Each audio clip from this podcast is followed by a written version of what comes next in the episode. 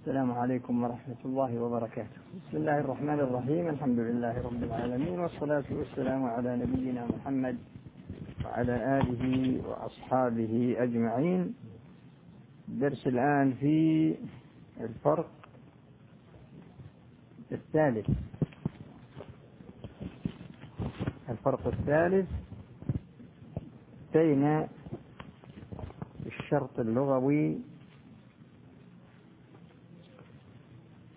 وغيره.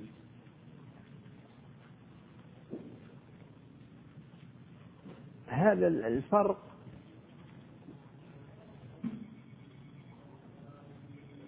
يتعلق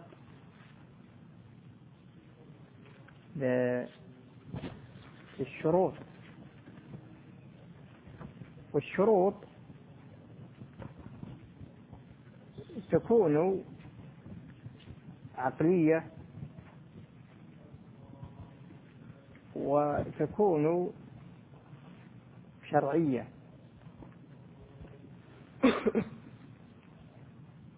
وتكون جعلية. وتكون عادية. ففيه شروط عقلية وشروط شرعية وشروط جعلية وشروط عادية.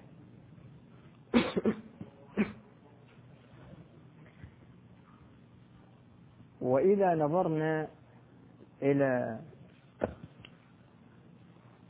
الشرط العقلي وجدنا أنه يستند إلى العقل يستند إلى العقل فإن العقل يكون فيه شروط ويكون فيه أحكام. وأحكام العقل مثل أحكام التكليف من جهة أن الحكم العقلي تارة يكون مستحيلا عقلا. والمستحيل عقلا مثل المستحيل شرعا. والمستحيل شرعا هو ترك الواجب وفعل المحرم. هذا مستحيل شرعا. والواجب عقلا مثل الواجب شرعا. مثل الصلاة والزكاة والصيام يعني الواجبات في الشرع. وهكذا بقية الأحكام التكليفية مع الأحكام العقلية. فتكون الأحكام العقلية خمسة والأحكام التكليفية خمسة. وهكذا بالنظر للأحكام العادية. يعني الحكم العادي يكون واجب يكون واجبا عادة ويكون مستحيل عادة ويكون آه، ممكن الوقوع وعدم الوقوع والوقوع آه، أرجح أو ممكن الوقوع وعدم الوقوع وعدم الوقوع أرجح أو يستوي فيه جانب الوقوع وعدم الوقوع.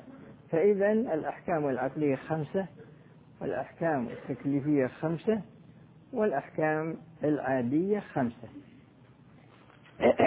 نأتي إلى مسألة الشرط.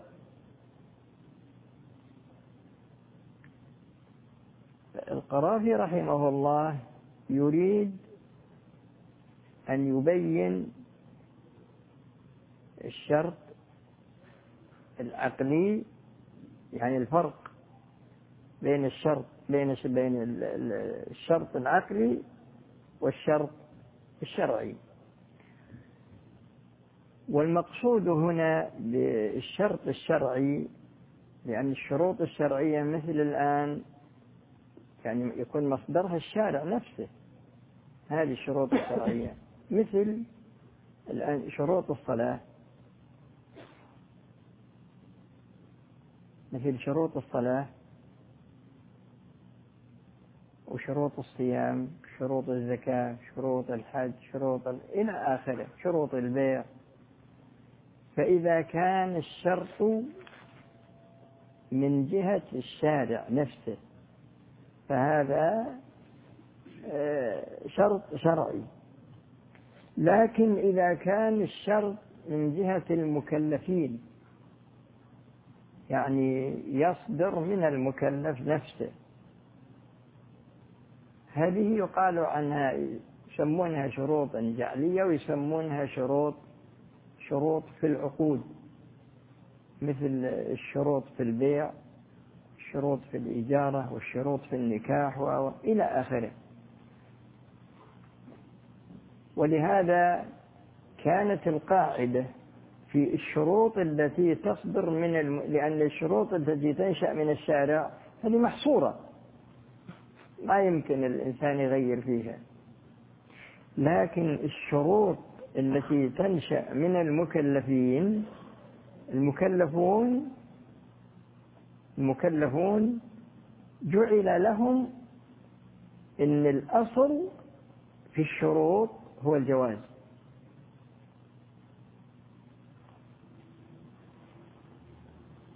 إلا شرطا حرم حلالا أو أحل حراما.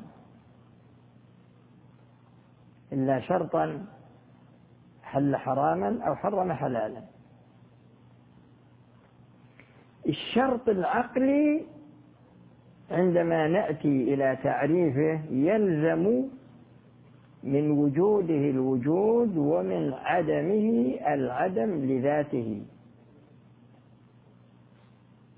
الشرط العقلي يلزم من وجوده الوجود ومن عدمه العدم لذاته مثل الكسر بالانكسار فتجد أنه يكون في تلازم من جهة الوجود ومن جهة. ومثل الحياة للعلم. في أشياء كثيرة تأتي فيها هذه كلها تكون عقلية. عندما نأتي إلى الشرط الشرعي الشرط الشرعي تعريف العلماء له يلزم من عدمه العدم يلزم من عدمه العدم ولا يلزم من وجوده وجود ولا عدم فالطهارة شرط في صحة الصلاة. لكن إذا توضأ الإنسان فلا يقال إنه يجب عليك أن تتوضأ أن تصلي. لكن لو أراد أن يصلي وهو على غير طهارة قيل له لا يجوز لك.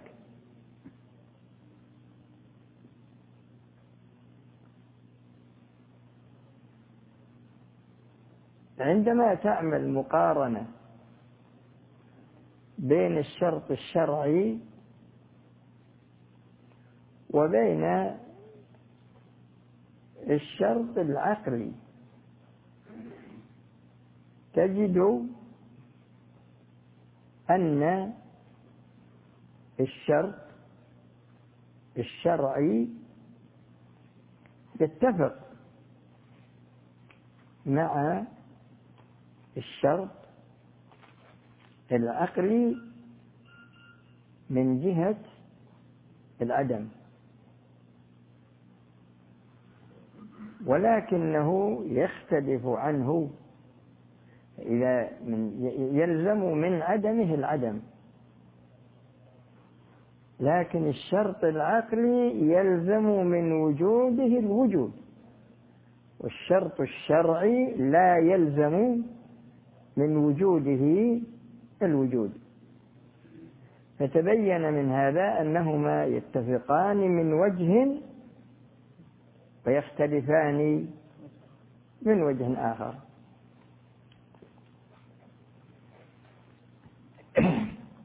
عندما نأتي إلى الشرط الجعلي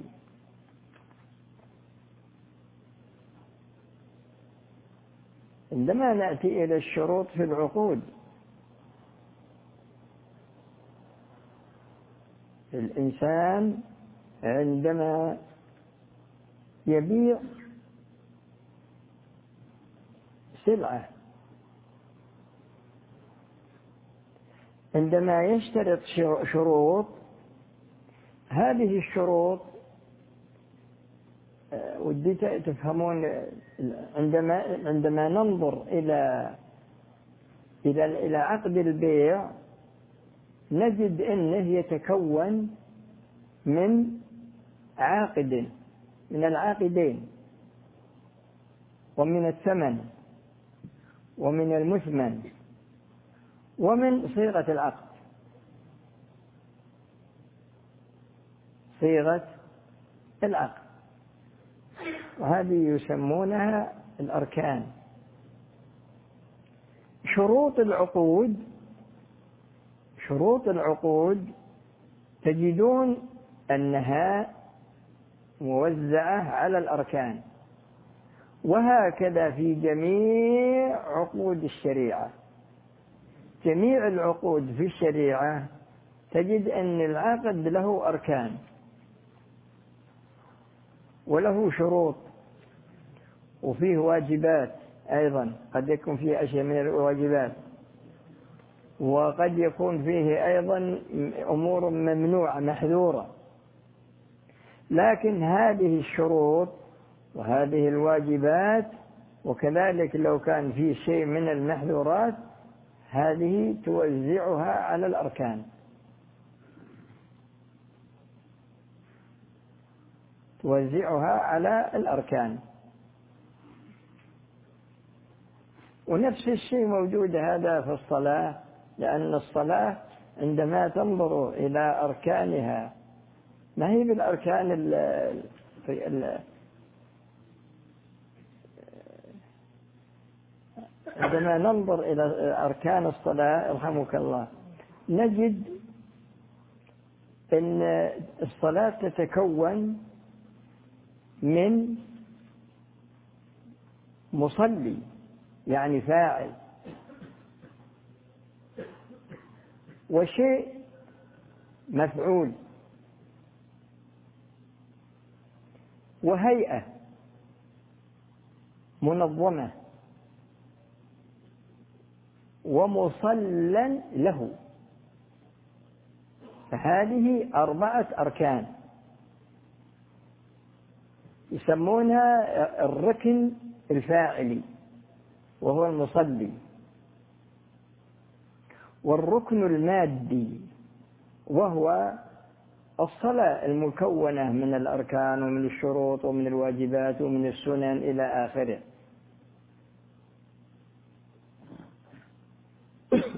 والركن الصوري الهيئة تبدأ من الصلاة تبدأ من تكبيرة الإحرام ومنتظم إلين السلام.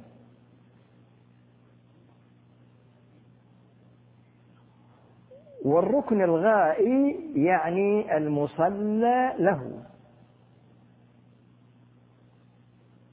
عندما تجي في ابواب الفقه الطهارة الصلاة الصيام الزكاة الصيام إلى آخر باب من أبواب الفقه. تجد هذه الأركان الأربعة موجودة فيه. فعندما تبي تنظر إلى الطهارة الطهارة عندما تبي تطبق عليها هالأركان تجد متطهر.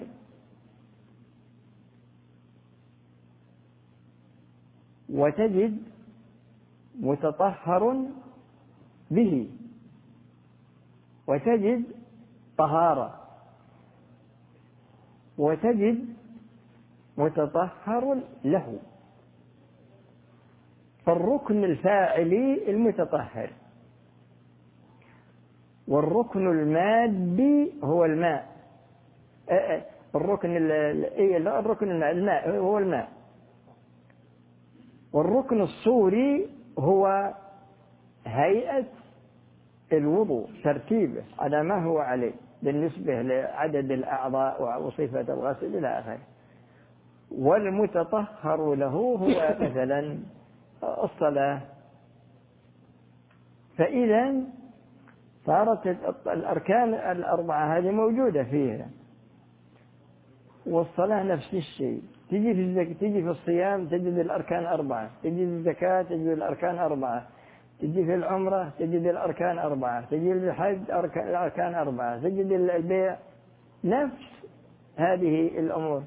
على هذا الأساس تجدون الشروط التي تذكر في هذه الأبواب تجدونها موزعة على هذه الأركان. وإذا كان فيه شروط في العقود.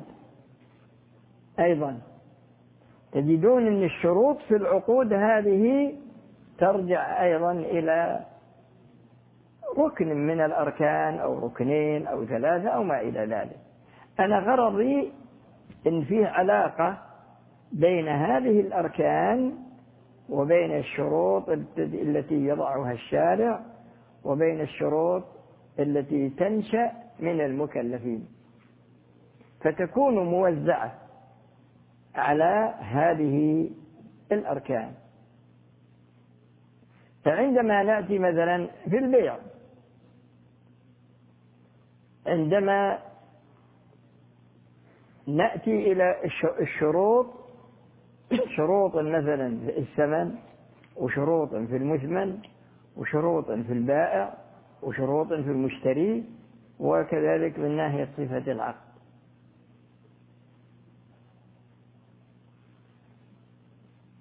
وعندما نأتي الشروط في العقود الشروط في العقود مثلا قد مثلا تكون قد ترجع مثلا إلى آه، إلى إلى المثمن. المثمن هذا يكون هو العلة آه يعني هو الركن المادي. الثمن والمثمن هو الركن المادي. عندما يبيع الإنسان السلعة ولكن يشترط إيصالها إلى بيته أو يشترط إيصالها من بلد إلى بلد إلى آخره فتجدون هذا شرط ناشئ من المكلف. لكن تجد إنه يرتبط بالثمن ولا بالمثمن؟ ها؟ ها؟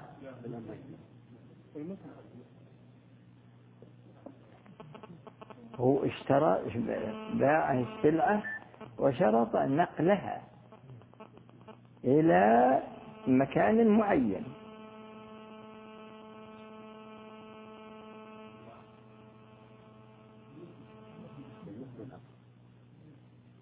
المثمن هو المثمن. هو الثمن. يعني مسألة شرط التأجيل. عندنا السلم مثلا هل الشرط تأجيله هذا في الثمن ولا في المثمن؟ ها؟ المؤجل هو الثمن ولا المؤجل هو المثمن؟ المثمن المثمن وعكسه التورق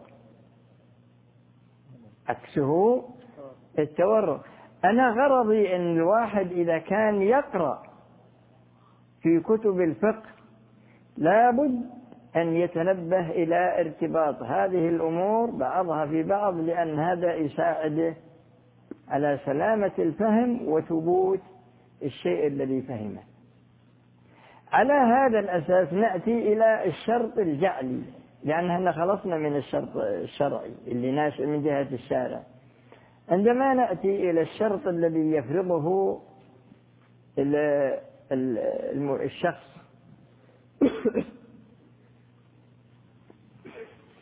تقول مثلا إذا اشترطت إذا اشترطت إيصاله شريته لكن اشترطت إيصاله إلى المحل الفلاني. هل تقول يلزم من وجود هذا الشرط صح يعني يلزم من وجوده وجود البيع ويلزم من عدمه عدم البيع. لا. لو قال أنا ما نبي موديه ولا وداه يعني وداه وش تصير النتيجة؟ وداه للمكان اللي شرط عليه. لزم تمام. قال ما نبي موديه هذا هو. فتجدون الشرط الجعلي مثل الشرط العقلي. يلزم من وجوده الوجود ومن عدمه العدم بذاته بخلاف الشرط الشرعي. تجدون إنه يلزم من عدمه العدم ها ولا يلزم من وجوده وجود ولا عدم لذاته. الشرط الجعلي هذا هم يجعلونه يجعلونه مثل السبب. ما السبب؟ يلزم من وجوده الوجود ومن عدمه العدم بذات هذا تعريف السبب. فيجعلون الشرط هذا الشرط الجعلي هذا يجعلونه مثل السبب ومثل الشرط العقلي. وهذا بخلاف الشرط الجعلي بخلاف الشرط الشرعي نعم. عندما نأتي إلى الشرط العادي أنا ذكرت لكم الأحكام هذه تراها بس من أجل الفائدة. ما لها عندما نأتي إلى الشرط العادي الشروط العادية هذه تجدون أنها الأمور المعتادة من في معاملات الناس. مثل الآن آه، المصعد للسطح الدرج هذا تجدون آه، إنهم يجعلون هذا يعني شرطا عاديا من أجل الوصول إلى السطح. بهذا الشيء. هذا لأنه لو حصل مثلا لأن هذا يتبين في مسألة العقود إلى منه لأن بس إن هذا شرط عادي ما هو شرط فلا بد إن طالب العلم يتنبه إلى العلاقة بين الشرط العقلي والشرط الشرعي. والعلاقة بين الشرط العقلي والشرط الجعلي والعلاقة بين الشرط الشرعي والشرط الجعلي. وكذلك بالنظر للشرط العادي. هذا هو منتهى الكلام على هذا الفرق وفيه كلام كثير جدا ذكره المؤلف لكن بإمكانكم أنكم تقرؤون ما كتبه وعلى راحتكم وإذا كان وإذا أشكل على أحد سؤال بإمكانه أنه يسأل عنه. وتكون هذه هي الطريقة وهي أنني أتكلم لكم على الفرق. أعطيكم تصور عن الفرق أما بالنظر إلى يعني استكمال ما ذكره المؤلف فهذا أنتم تستكملونه. إيه. إيه, إيه هو راجع إلى قاعدة العرف بس ما نحب أن نتوسع واجد الشيء ويكفيكم هذا إن شاء الله. والدرس القادم يكون الفرق الرابع بين قاعدتي إن ولو الشرطيتين. وإذا كان عند أحد من منكم أحد عنده سؤال ها آه؟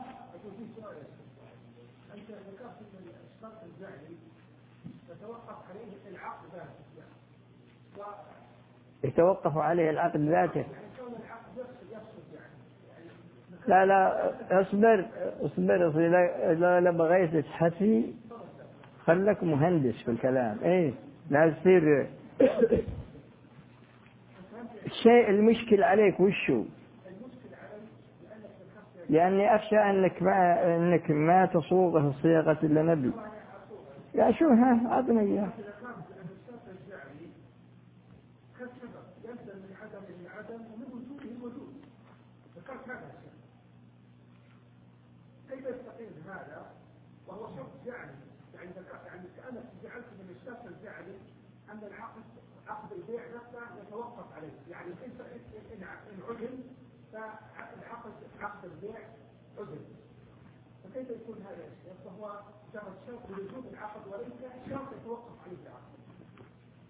أعطني إياه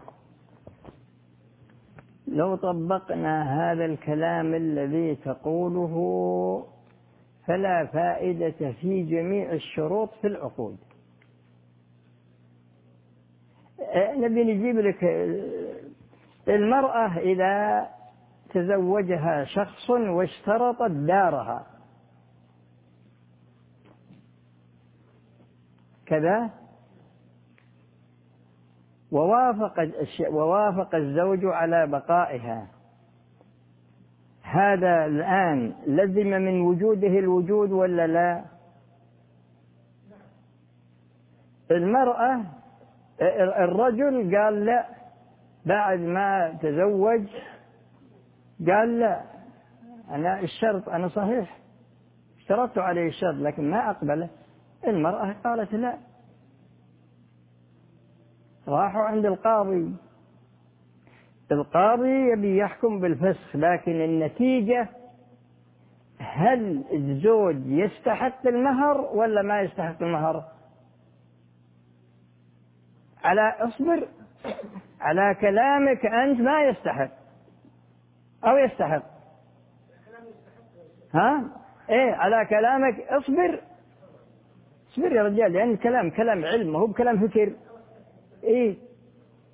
فهو فعندما نقول صار الآن الخلل من قبله والقاعدة العامة أنه إذا صار الخلل في عقد النكاح من قبله ما يستحق شيء. لكن إذا كان الخلل من قبلها هي فلا تستحق شيئا. فهذا فائدة أنه يلزم من وجوده الوجود ومن عدمه العدم ولهذا قلنا لذاته. بس. ما ها؟ وشلون النكاح؟ يفسخه القاضي. إذا عي الزوج يفسخه القاضي يقول امشي لكن هذا أنت كانك بدك تأخذ واحدة هذا كيف؟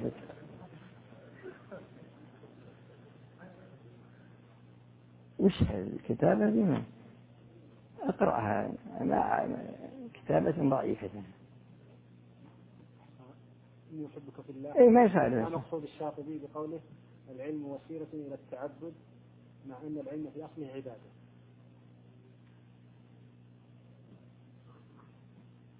الله سبحانه وتعالى يقول وما خلقت ها إلا ليعبدون. الصلاة عبادة. والصوم جميع ولا فيه في الشريعة شيء ما يكون فيه تعبد لكن في شيء دنيوي من وجه وعبادة من وجه. وفي شيء ديني محض. فمثلا البيع والشراء فيه جانب عبادة عندما يمتثل الإنسان وينضبط في بيعه وشرائه امتثالا لأوامر الله واجتنابا لنواهيه. فهذا فيه فيه جانب فيه جانب تعبد. وهذا يقول ما رأي فضيلتكم في كتاب مقاصد الشريعة الإسلامية؟ اقرأ هذا كتاب لا بأس بزين في كتب كثيرة في مقاصد الشريعة. اقرأ هنا أنا ما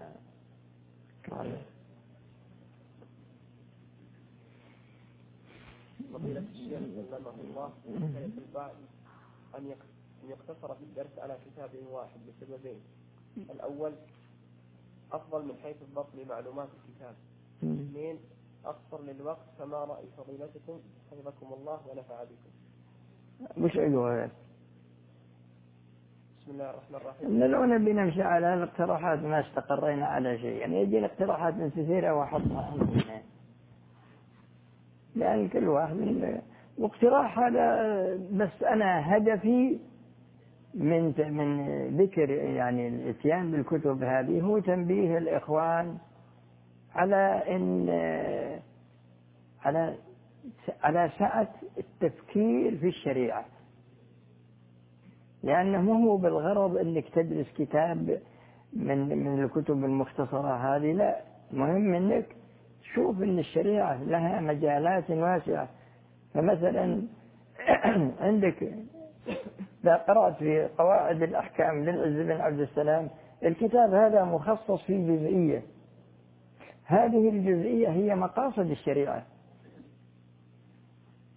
وأنت إذا تنبهت إلى أن الشريعة لها مقاصد تروح تبحث عن الكتب المؤلفة فيها أو تقرأ في بيتك.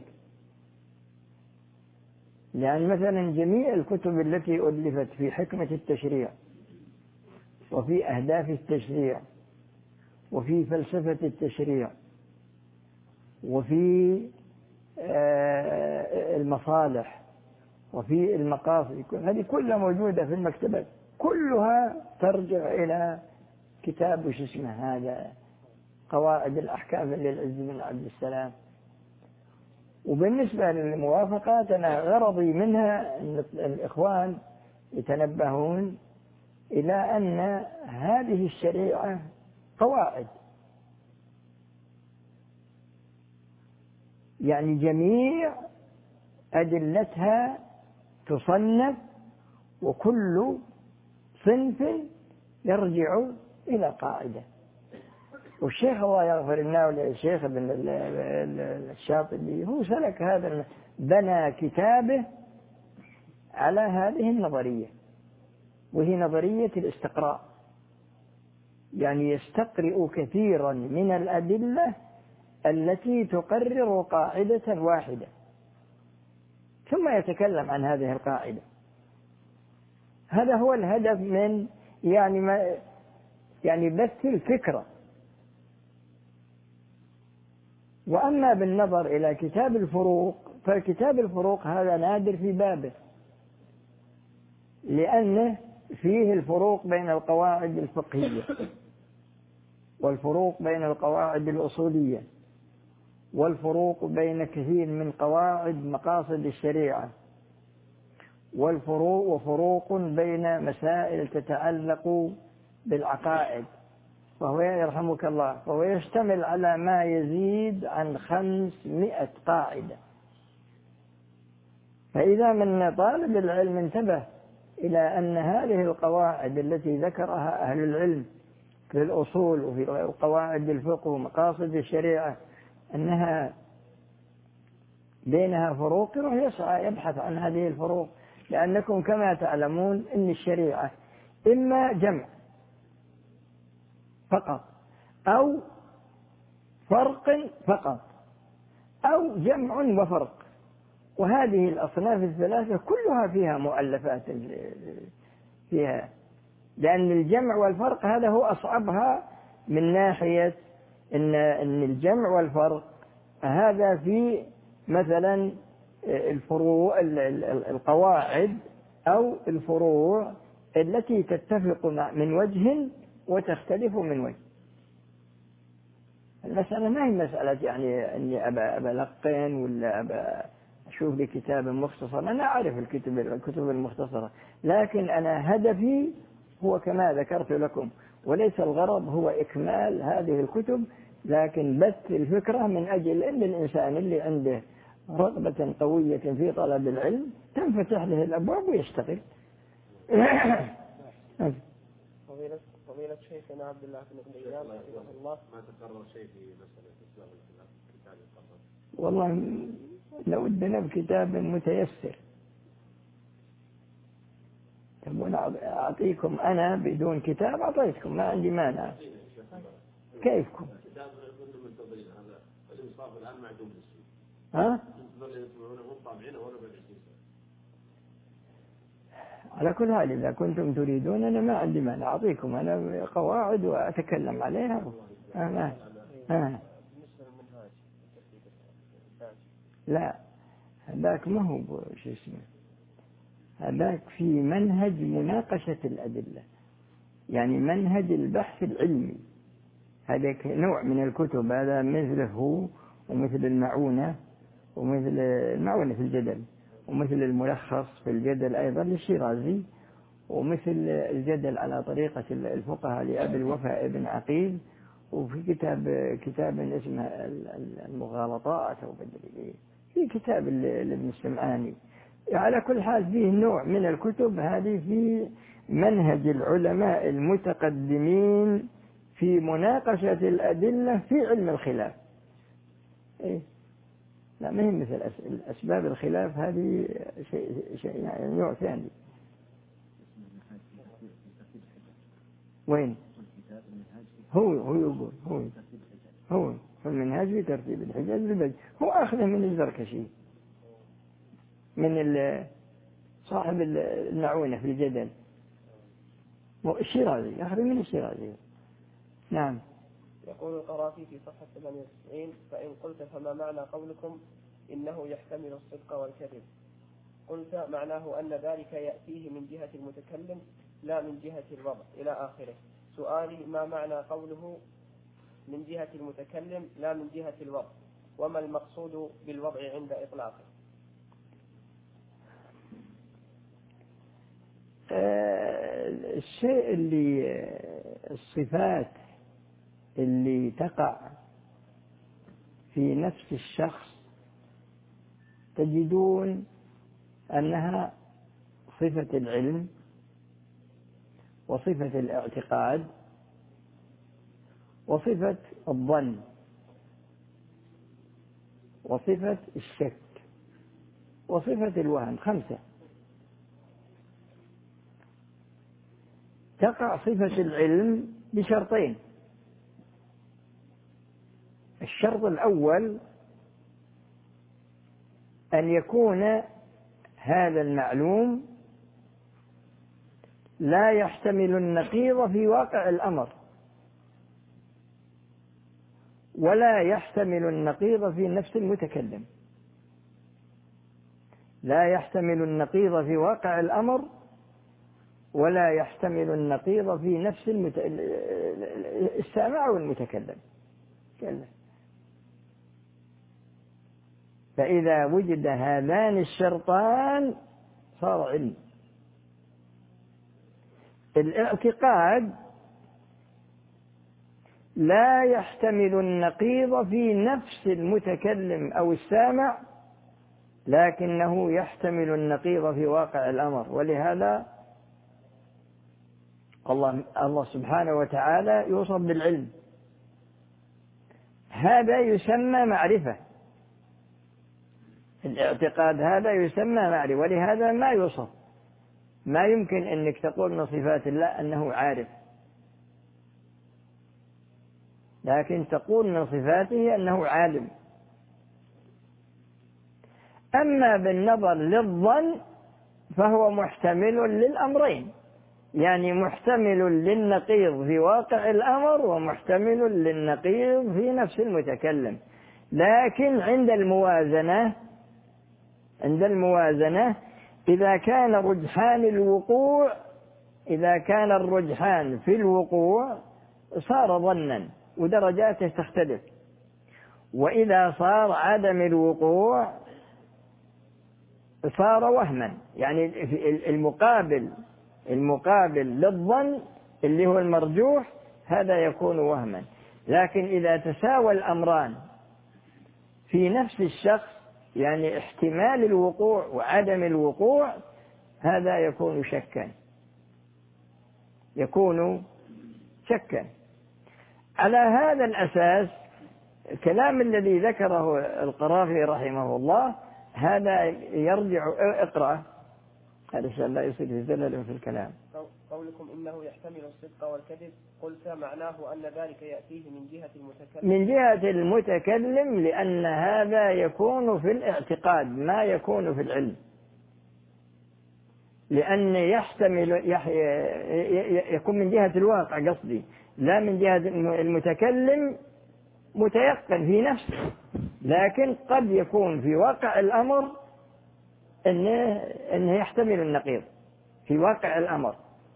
لأن إذا تطابق ما في نفس المتكلم وما في واقع الأمر صار علما ما يكون اعتقاد. نعم.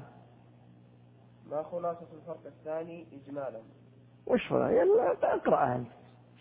هل هناك شروط لكتاب الفروق؟ أنت اقرأها يا رجال بس شروح الكتاب الفروق. ما هي الآلية لقراءة كتاب الفروق؟ آلية الربيع بن سليمان يقول قرأت الرسالة للشافعي 600 مرة. وفي كل مرة يتبين لي من العلم ما لم يتبين لي من قبل. وحنا الحين الواحد إلى منه قرأ الشيء مرة مرتين خلاص اعتبر أن هذه قراءة كافية.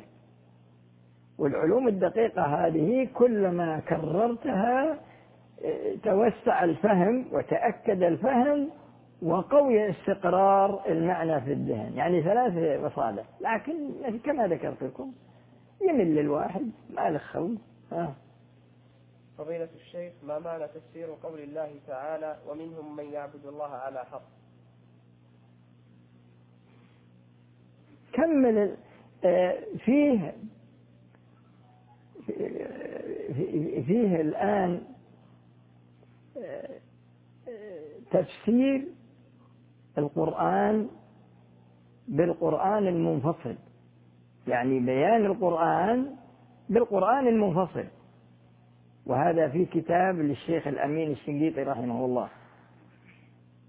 أضواء البيان في بيان القرآن بالقرآن. تجدون أنه يذكر الآية ثم يأتي بالآية التي تبينها. يذكر آية ولا آيتين ولا ثلاث لكن فيه نوع من تفسير القرآن بالقرآن تفسير القرآن بالقرآن المتصل. ومن أمثلته الواضحة المخصصات المتصلة. والأول يمكن تجيب المخصصات المنفصلة أيضا. ومثل تقييدات المطلق. وهكذا. وفي كتاب يعني يعني يعني خدم هذه الناحية اللي هو عبارة عن بيان القرآن بالقرآن المتصل. والشخص اللي عنده يعني قوة في علم النحو وفي علم البلاغة. إذا كان عنده قوة في علم النحو وفي علم البلاغة هذان العلمان يساعدان الإنسان في معرفة تفسير القرآن بالقرآن المتصل. نعم. السؤال والآية هذه نظر تفسيرها عقبها. أنا قلت الكلام هذا كله على أساس أن الآية كملها أنت والذي بعدها هو شرحها. آه. امرأة تنوي صيام تطوع وقد قامت لتناول السحور. وبعد الانتهاء من أكلة السحر سمعت المؤذن يقيم الصلاة. فما حكم صيامها؟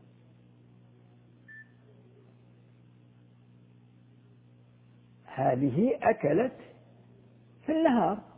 فما دامت أكلت في النهار لا يصح الصيام. نعم. لقد ذكر أحد لقد ذكر أحد زملائي أنه اطلع على تفسير أن التحيات اسم طائر في الجنة. على شجرة لا بس خلنا انت في أحد قاعد عندي السؤال يلا السلام عليكم.